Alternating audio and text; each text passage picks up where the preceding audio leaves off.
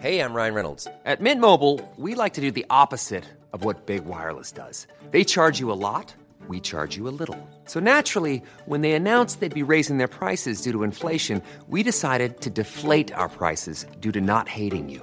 That's right. We're cutting the price of Mint Unlimited from $30 a month to just $15 a month. Give it a try at mintmobile.com slash switch. $45 upfront for three months plus taxes and fees. Promo rate for new customers for limited time. Unlimited more than 40 gigabytes per month. Slows. Full terms at mintmobile.com. Hey, it's Ryan Reynolds, and I'm here with Keith, co star of my upcoming film, If, only in theaters, May 17th. Do you want to tell people the big news? All right, I'll do it. Sign up now and you'll get unlimited for $15 a month in six months of Paramount Plus Essential Plan on us. Mintmobile.com slash switch. Upfront payment of $45 equivalent to $15 per month. Unlimited over 40 gigabytes per month. Face lower speeds. Videos at 480p. Active Mint customers by 531.24 get six months of Paramount Plus Essential Plan. Auto renews after six months. Offer ends May 31st, 2024. Separate Paramount Plus registration required. Terms and conditions apply if rated PG. Du lyssnar på GVS ljudböcker.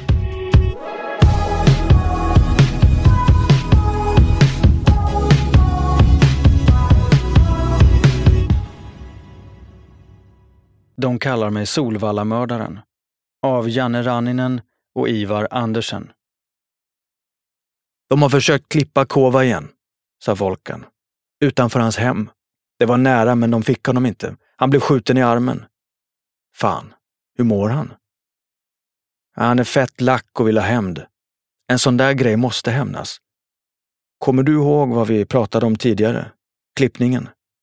Jag kommer ihåg, svarade jag. Det är dags att gå i krig. Dagen jag hade hoppats inte skulle komma var här. Då kör vi. Vi skulle möta Kova på Neptun, precis som förra gången. Men den här gången var inga utomstående inbjudna. Kova var också mer försiktig. Innan han anlände skickade han sina grabbar för att kolla både parkeringen och restaurangen. Tjena Volkan! Desibre huligan! hälsade Kova när han klev in. Volkan har berättat vad som hänt, sa jag när vi kramat om varandra. Jävla fittor. Nu slår vi tillbaka. Ja, saker och ting har nått den punkten, sa Kova. Har ni vapen och annan utrustning? Volkan och jag visade våra pistoler. Bra. Har ni västar? Inte? Okej, okay, jag fixar åt er. Från och med nu rör vi oss i grupp, beväpnade och med västar på. Jag och Volkan nickade. Det var dags att gå från ord till handling. De närmaste dagarna såg vi inte mycket av Kova. Han var upptagen med att samla vapen och gänget och under tiden snackade jag och Volkan mycket om vad som skulle hända efter klippningen. Volkan hade storslagna drömmar. Vi skulle ta över hela Stockholm, sa han. Allting skulle vara vårt. Själv hade jag aldrig fantiserat om oss som Stockholms kungar. Visst ville jag ha pengar, men jag drömde om god ekonomi och stabilitet, inte om något imperium. Även om jag byggde luftslott så var de i realistisk storlek. Jag bodde hemma och tänkte mycket på hur mamma skulle må när hon fick reda på att hennes son var en mördare. Hur hon skulle reagera. Hon hade redan tvingats gå igenom så mycket skit i sitt liv och nu skulle jag utsätta henne för det här också. Vad skulle Kalle tänka? Han försökte alltid vara en förebild för mig. Det var någonting jag aldrig begärt av honom och något jag inte kunde dra nytta av. Kalle hade varit en utmärkt förebild för de flesta småbröder. Men jag hade sökt mina förebilder på gatan istället. Och pappa, hur skulle han ta det? Ångesten höll på att slita mig i bitar. Jag hade inget annat val än att stänga ute känslorna. Det här är vad du har tackat ja till, sa jag till mig själv. Du blev tillfrågad och du svarade ja. Volkan hade låtit upprörd när han ringde och bad mig komma över. De jävla svinen har ringt hem till mig, skrek han efter att ha släppt in mig i lägenheten. Till det här hemmet där min mamma och min lilla syster och lillebror bor. Vad snackar du om? Telefonen ringde. När jag svarade var det en begravningsbyrå som berättade att det hade beställts en kista åt mig. Den andra sidan hade fått nys om Volkans inblandning och ville skrämma honom till att backa. De hade valt helt fel taktik. Det här var bara att hälla bensin på lågorna. Man blandar inte in familjerna. Vi förbannade motståndarna ihop. Det hade inte varit personligt för mig innan. Jag hade känt mig förpliktad att hjälpa en bror. Men nu blev även jag känslomässigt involverad. Hotet svetsade oss samman. Vi drog ihop ett möte med Kova och hans grabbar. Nu har de kommit för nära, sa Kova. Ja, vi måste slå tillbaka direkt, insisterade Volkan. Jag satt tyst och lyssnade. Jag var trots allt yngst och hade minst erfarenhet, så jag överlät gärna planeringen till de andra. Det finns ett par ställen vi kan slå till på, sa Kova. Vi klipper han var som helst, gormade Volkan. Lugna ner dig. Ett ställe vore på Vallhallavägen där han bor. Annars Dalahästen, hans restaurang på Söder. Eller en restaurang i city dit han brukar gå. Jag tycker att vi borde satsa på Dalahästen. Kriget var igång. Kova hade fixat bilar och några lägenheter åt oss. En av dem låg i Vårberg. När vi åkte dit blev vi mottagna av Kovas vän från forna Jugoslavien. Han hade kommit till Sverige enbart för att hjälpa till med klippningen. Han kunde inte ett ord svenska, knappt någon engelska heller. När han pratade blandade han massor av språk och jag förstod aldrig ett ord av vad han sa. Vi satte igång och reka området runt Joxos krog. Dalahästen låg nära Stockholms södras pendelstation, i gatuplan på ett bostadshus och var inte alltför stor. Kanske 40 sittplatser. Vår första plan var att attackera från utsidan med automatvapen och skjuta genom fönstren. Men vi begravde den idén eftersom risken att oskyldiga skulle komma till skada var för stor. Istället enades vi om att två av oss skulle gå in i restaurangen. Den ene skulle dra vapen och få undan besökarna ur skottlinjen medan den andra klippte också. En bekant planerade flykten från krogen. Han hade planerat flyktvägar till ett flertal tidigare jobb och vi litade på honom fullt ut. Han gjorde ett gediget arbete den här gången också. Vi skulle kunna ta oss därifrån på vägar som ledde bort från polisen och utan att fastna på övervakningskameror. Och vid behov skulle vi kunna kasta ut spanska ryttare. Det skulle orsaka trafikkaos och försvåra för utryckningsfordon som jagade oss. Nu var alla bitar på plats. Vi var redo att köra. Det var kvällen när det skulle hända, när klippningen skulle ske. Vi begav oss till Södermalm. Kovas vän från Jugoslavien skulle spana på restaurangen och husen runt omkring medan jag och en annan av Kovas grabbar väntade i en bil. Så snart vi fick klartecken från spanaren skulle vi slå till. Vi väntade otåligt i bilen något kvarter bort. Tiden tycktes stå stilla. Första halvtimmen satt vi helt tysta och stirrade ut genom vindrutan. Sen började vi snacka skit och skämta. Det var ett sätt att dämpa nervositeten. Efter två timmar hoppade Kovas juggevän in i baksätet. Han hade frost i skägget och gestikulerade att det var dags att röra på sig. Vi instämde. Dels riskerade han att väcka misstankar om han fortsatte cirkulera runt restaurangen timme ut och timme in. Dels var det januari och fett kallt. Stackaren var stelfrusen. Samma mönster upprepade sig flera kvällar i rad. Vi satt i bilen med adrenalinet flödande medan Kovas vän spanade och frös. Men måltavlan dök aldrig upp. Vi behövde en ny plan. Tillbaka till lägenheten i Vårberg och tillbaka till ritbordet. Det verkar som att han håller sig borta från restaurangen, sa Kova. Ja, och din vän kommer att frysa till is, skrattade Volkan. Han är van, sa Kova. Han har varit med om värre. Vi beslutade att reka restaurangen i stan. Den låg lite avsides på en bakgata vid sidan av de stora gångstråken. Perfekt för en klippning. Stället var också större än Joxos egen restaurang och till skillnad från lokalen på Söder mer avlång än bred. Det passade oss bättre. Minskade risken för oskyldiga offer. Det enda problemet var att Joxo antagligen skulle sitta längst bak i lokalen, närmast bakdörren, så att han hade en utväg om någon skulle attackera. Det var ju krig och vi visste att även motståndarsidan tänkte strategiskt. Från det att vi stormade in med neddragna luvor skulle det bara ta några sekunder innan vi nådde fram till deras bord. Men eftersom vi räknade med att de var beväpnade skulle vi behöva börja skjuta tidigt för att inte ge dem en chans att besvara elden. Det skulle minska träffsäkerheten. Även vi vidtog förstås försiktighetsåtgärder. Nu är det dags att byta lägenhet. Vi har bott här i fyra dagar. Det är max, sa Kova. Är nästa lägenhet redan fixad? frågade Volkan. Ja, den ligger i Jordbro. Det här gladde oss, våra hemtrakter. Vi åkte dit i två olika bilar och höll ständig koll på omgivningarna och varandra. Vi hade västar på oss och vapnen i händerna. Vi var tvungna att vara vakna. Tvungna att alltid vara redo.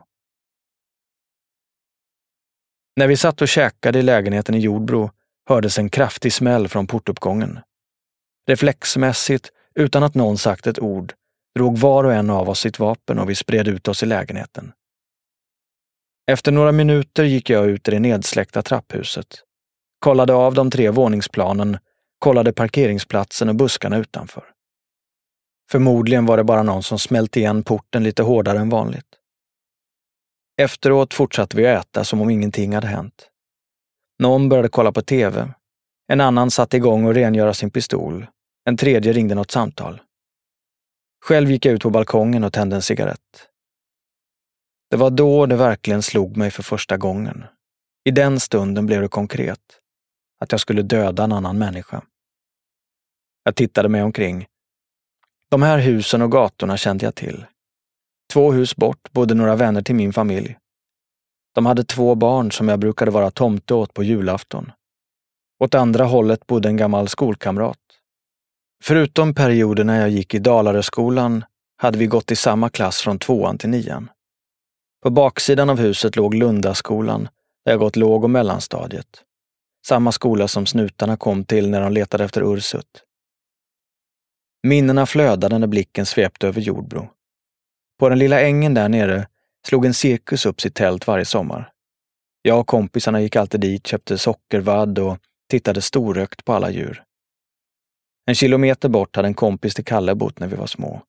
Han hade en ångmaskin jag fick leka med när de gick ut för att tjuvröka. Och en kväll kollade vi på Terminator-filmerna ihop. Jag var skräckslagen när vi gick hem i mörkret, men jag visste att min storebror skulle skydda mig om någonting hände. Nu stod jag här och planerade ett mord. Hur fan hade jag hamnat här? Vad hade gått snett på vägen? Ett steg i taget hade livet fört mig hit. Det som började oskyldigt när vi sprang ner för trapporna i höghusen och plingade på alla dörrar hade lett till det här. Äppelpallandet, slagsmålen i skolan, knivhuggningarna, baxen, rånen. Allt hade lett hit. Det var inte det här jag hade tänkt mig när jag som tioåring snattade godis för att slippa be mamma om pengar. Det var inte det här jag tänkt mig när jag stal märkesjeansen jag inte hade råd att köpa. Men här var jag nu. Det var bara att slå bort ångesten och stänga av känslorna. Utanför lyste de orangea gatlyktorna upp den svarta januarinatten. Stora snöflingor singlade sakta mot marken. Det fanns inte utrymme för känslor nu. Men känslorna kom trots att jag inte ville det. De kom som en tsunami.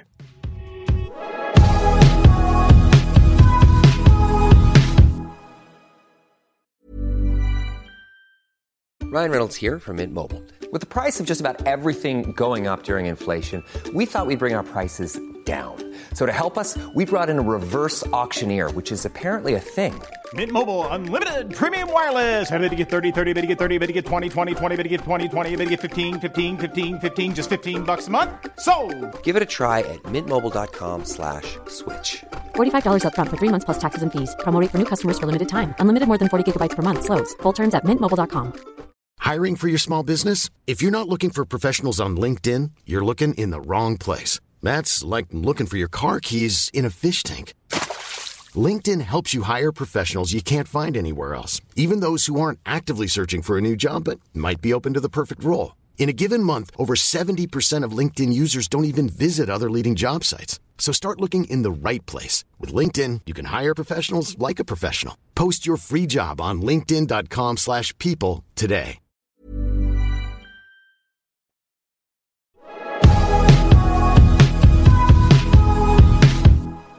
Imorgon slår vi till mot restaurangen, sa Volkan. Det räcker med det här väntandet. Rutinen var densamma som när vi rekade Joksos egen restaurang på Söder. Vi satt beredda i en bil medan Kovas juggekompis spejade. Tre kvällar gick utan en skymt av fiendesidan. Väntan var ansträngande. Varje dag åkte vi ut redo att döda. Varje natt åkte vi hem i ogjort ärende. Att konstant vara beredd tärde och hur mycket vi än försökte undvika det så kom stressen krypande. Jag var frustrerad. Inte för att jag var besviken över att jag inte hade fått döda någon, utan för att vad som helst skulle kunna ha varit bättre än detta. Nu kan vi ta en paus på en vecka. Jag också har dragit till Paris på trav, sa Kova när vi återsamlades i lägenheten i Jordbro. Fan, precis när vi var beredda, sa Volkan. Exakt. Det skulle vara bra om någonting hände, instämde jag. Vad ska man göra? sa Kova. Men nu behöver vi i alla fall inte sitta i knät på varandra hela veckan. Alla kan gå åt sitt håll. Pausen var välbehövlig. Jag tänkte att jag skulle umgås med vänner och koppla av, men tankarna sökte sig ständigt tillbaka till kriget vi var indragna i. När jag gick på bio med en kompis och några tjejer kunde jag inte koncentrera mig på filmen och det kändes konstigt att inte vara beväpnad. Dagen efter skulle jag festa med en gammal vän som jag känt sedan barnsben, men inte träffat så mycket på sista tiden. Vi hade lite kokain och började kvällen på vår lokala krog, pizzerian Leila. Legendariska Leila som min vän Harrys familj ägde. Vi gick in på toaletten för att ladda när kompisen plötsligt berättade något som fick mig att tappa andan. Janne, det kommer att hända något stort i Stockholm. En stor gangster kommer att klippas inom kort. Mer än så kan jag inte säga. Är det sant? Låter otroligt. Men det rör inte mig så det kanske är bäst om du inte säger något mer, sa jag och spelade oberörd. Det tog inte lång tid att lägga ihop ett och ett. Volkan och kompisen stod varandra nära. Det var Volkan som hade gått och babblat om klippningen. Han ville skryta. Jag var fett arg över att informationen hade läckt, men tog aldrig upp det med Volkan och Kova. Vi hade tillräckligt med problem som det var. Det hade beslutats att vi skulle klippa Jokso utanför hans lägenhet istället. Därifrån skulle han inte kunna hålla sig borta lika länge.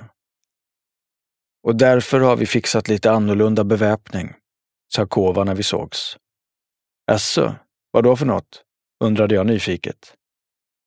Gå in i det andra rummet så får du se. Jag gick in i sovrummet. Förutom västarna, pistolerna och automatvapnen som vi redan haft låg där också en handgranat och flera minor. Vad fan är det där för något? frågade jag och pekade på minorna. De andra började skratta. Du skulle se din min nu. Kan jag tänka mig. Är vi i något jävla världskrig eller? Inte långt ifrån, sa Volkan. Det fanns flera trampminor och en mycket större splittermina som aktiverades med snubbeltråd. Den mätte ungefär 30 gånger 40 centimeter och såg ut att kunna slakta en hel bil. Var fan ska vi placera minorna? frågade jag. Och fattar ni vilket jävla liv det blir om vi använder minor i centrala Stockholm? Handgranaten förstod jag, men minorna var bara för mycket. De andra skrattade fortfarande. Situationen kändes surrealistisk och jag började också garva. Vi stod i sovrummet i en sliten hyresrätt i Jordbro och hade vapen för ett mindre krig. Situationen hade viss ofrivillig komik. Vi beslutade att dumpa minorna. De skulle ändå inte vara till någon nytta. Kova gick igenom planen en sista gång. Du tar handgranaten, Janne, och Volkan tar pistolen. Bilen kommer att vänta en bit bort på Vallhallavägen medan ni ställer er utanför Joxos port. När han kommer hem så skjuter ni honom först och efter det kan Janne kasta handgranaten. När den har detonerat går ni fram och säkrar med ett par skott till. Det överlever han garanterat inte. Vi körde in mot stan i en stulen bil. Jag satt i baksätet och höll handgranaten i handen. Då och då fick jag en orolig blick från framsätet. Snälla Janne, håll i granaten ordentligt. Hålla i den här? frågade jag och flyttade granaten mellan händerna. Helst hade jag velat bolla med den för att skrämma upp dem riktigt rejält. men jag ville inte råka spränga oss i luften. Väl framme kollade vi portarna närmast Joxos för att försäkra oss om att han inte hade folk stående i dem. Vi ville kunna koncentrera oss på Joxo utan att behöva slåss på flera fronter. Allt såg bra ut. Volkan ställde sig bakom en byggcontainer och jag kröp in under en bil på parkeringen utanför porten. Därifrån kunde jag se både porten och Volkan. Efter att jag slängt handgranaten tänkte jag springa till honom och ta betäckning bakom containern. Det var kallt och snön som föll skymde mitt synfält mot porten. Händerna började stelna av kylan. Jag hade bara på mig tunna handskar för att kunna hantera handgranaten bättre. När jag hade legat där en timme såg jag någonting i ögonvrån och hjärtat hoppade över ett slag. En snutbil. Fan, tänkte jag. Inte nu. Skulle det sluta så här? Var det nu vi torskade? Det fick inte ske. Jag såg hur snutbilen svängde in på parkeringen. I snigelfart körde den förbi bilen som jag låg under med en handgranat i famnen. Sakta, sakta passerade den och fortsatte ringla runt på parkeringen. När den gjort ett varv svängde den ut på gatan igen och försvann. Jag pustade ut. Ett par timmar senare avbröt vi operationen. Fan, det händer ju aldrig någonting, sa Volkan. Ja, vi har redan försökt med flera ställen. Var kan han vara? frågade jag. Ett ställe är ju Spybar förstås, sa Kova. Spybar var en av de hetaste nattklubbarna i Stockholm och Joxo var ofta där. Att klippa honom där hade varit svårt men inte omöjligt. Ge mig två Uzi så går jag in och klipper honom ensam, sa Volkan halvt skämtsamt, halvt skrytsamt. När helgen kom rörde vi oss mot Stureplan. Den här gången åkte vi i två bilar. Planen var att klippa honom när han lämnade klubben. Jokso parkerade alltid sin bil utanför entrén så det skulle vara lätt att se om han var på plats. Vi behövde egentligen inte ens någon spejare, men skickade ut en ändå. Samma resultat som tidigare. Jokso syntes inte till någonstans. Hade han gått under jorden? Eller stuckit utomlands i väntan på att dammet skulle lägga sig? En obehaglig tanke hade börjat tränga sig på. Jag visste att ju längre det här drog ut på tiden, desto större var risken att något gick snett. Det hade varit nära några gånger. Dessutom var Volkan stor i mun och snacket gick redan. En möjlighet var att vi åkte dit redan innan klippningen. Ett annat tänkbart alternativ var att vi klippte Jokso och torskade efteråt. Självklart hade jag ingen lust att torska, men det var något man var tvungen att ta med i beräkningen. Jag hade satt mig in i reglerna för straffrabatt efter att ha åkt dit för grov misshandel året innan. Jag visste att om jag skulle klippa Joxo innan min 21-årsdag och sen torska så kunde jag inte få livstid. Det var en knapp månad kvar tills jag fyllde. Kova hade skaffat ett ställe i Brandbergen. Lägenheten var ny, men problemet vi stod inför var detsamma. Frustrationen tärde på oss alla. Det finns en plats kvar där vi kan slå till, sa Kova. Var skulle det vara? frågade Volkan. Solvalla. Han är där nästan varje onsdag. Han har en egen häst och brukar alltid vara där när den tävlar. Jag fyller 21 snart, så klippningen måste ske innan det, sa jag. Hur så? När man är under 21 kan man inte bli dömd till livstid. Kova skrattade. Huligan. Ingen ska åka fast. Jag hade gärna litat på honom. Men den här typen av klippningar tillhörde inte vardagen i Sverige. Och offret var Stockholms gangsterkung, så snuten skulle satsa alla resurser de hade. Självklart fanns det risk att vi skulle torska. Det var bara det att ingen ville medge det. Vi åkte ut till Solvalla för att reka. Kollade parkeringsplatsen och omgivningarna runt omkring, bästa flyktvägarna och var vi skulle byta bilar efteråt. Vi var överens. Det här skulle funka. Kort efter att vi bestämt oss inträffade en händelse som gjorde det ännu tydligare att klippningen var tvungen att äga rum så snart som möjligt.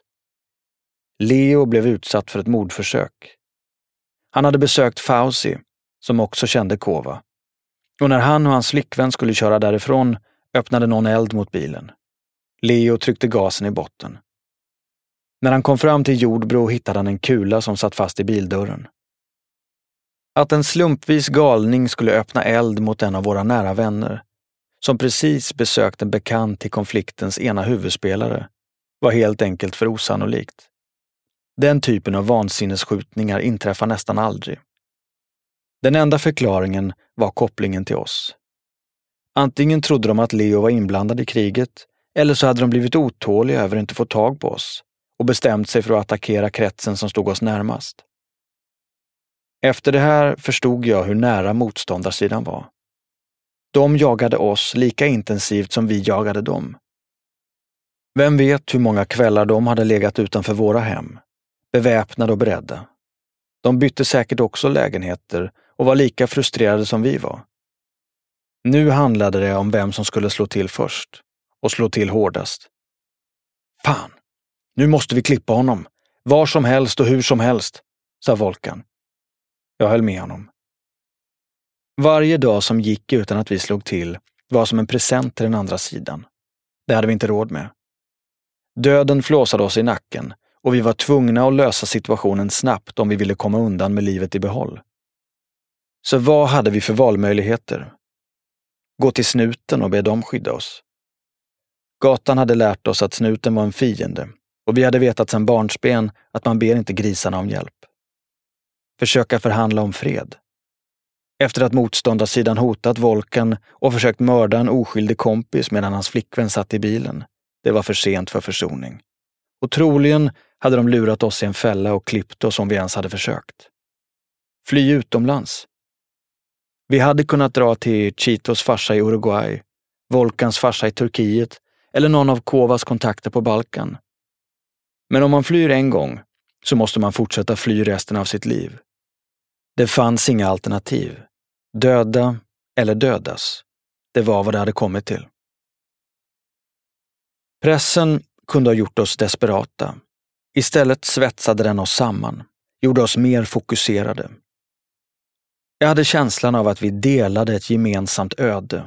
Jag, Volkan, Kova och de andra. Det enda som betydde någonting var kriget vi utkämpade med och för varandra, som bröder. Det var känslan av en gemenskap som varar för livet, en underbar känsla. Vad tror ni om att slå till inne på Solvalla? frågade Volkan oss andra. Inne på Solvalla, sa Kova. Det är 300 pers där och kameror överallt. Hur ska vi kunna klippa någon där? Det måste väl finnas något sätt? Det är en dålig idé. Att klippa Joxo på parkeringen fortsatte vara huvudspåret.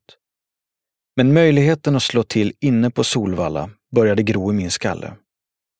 Dagarna gick utan att någonting hände.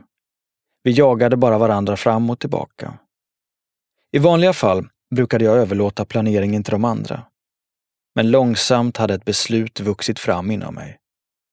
Det hade vuxit fram under alla kvällar av spänd väntan i bilen. Det hade vuxit fram när jag låg på rygg på Vallhallavägens kalla asfalt med en handgranat på bröstet.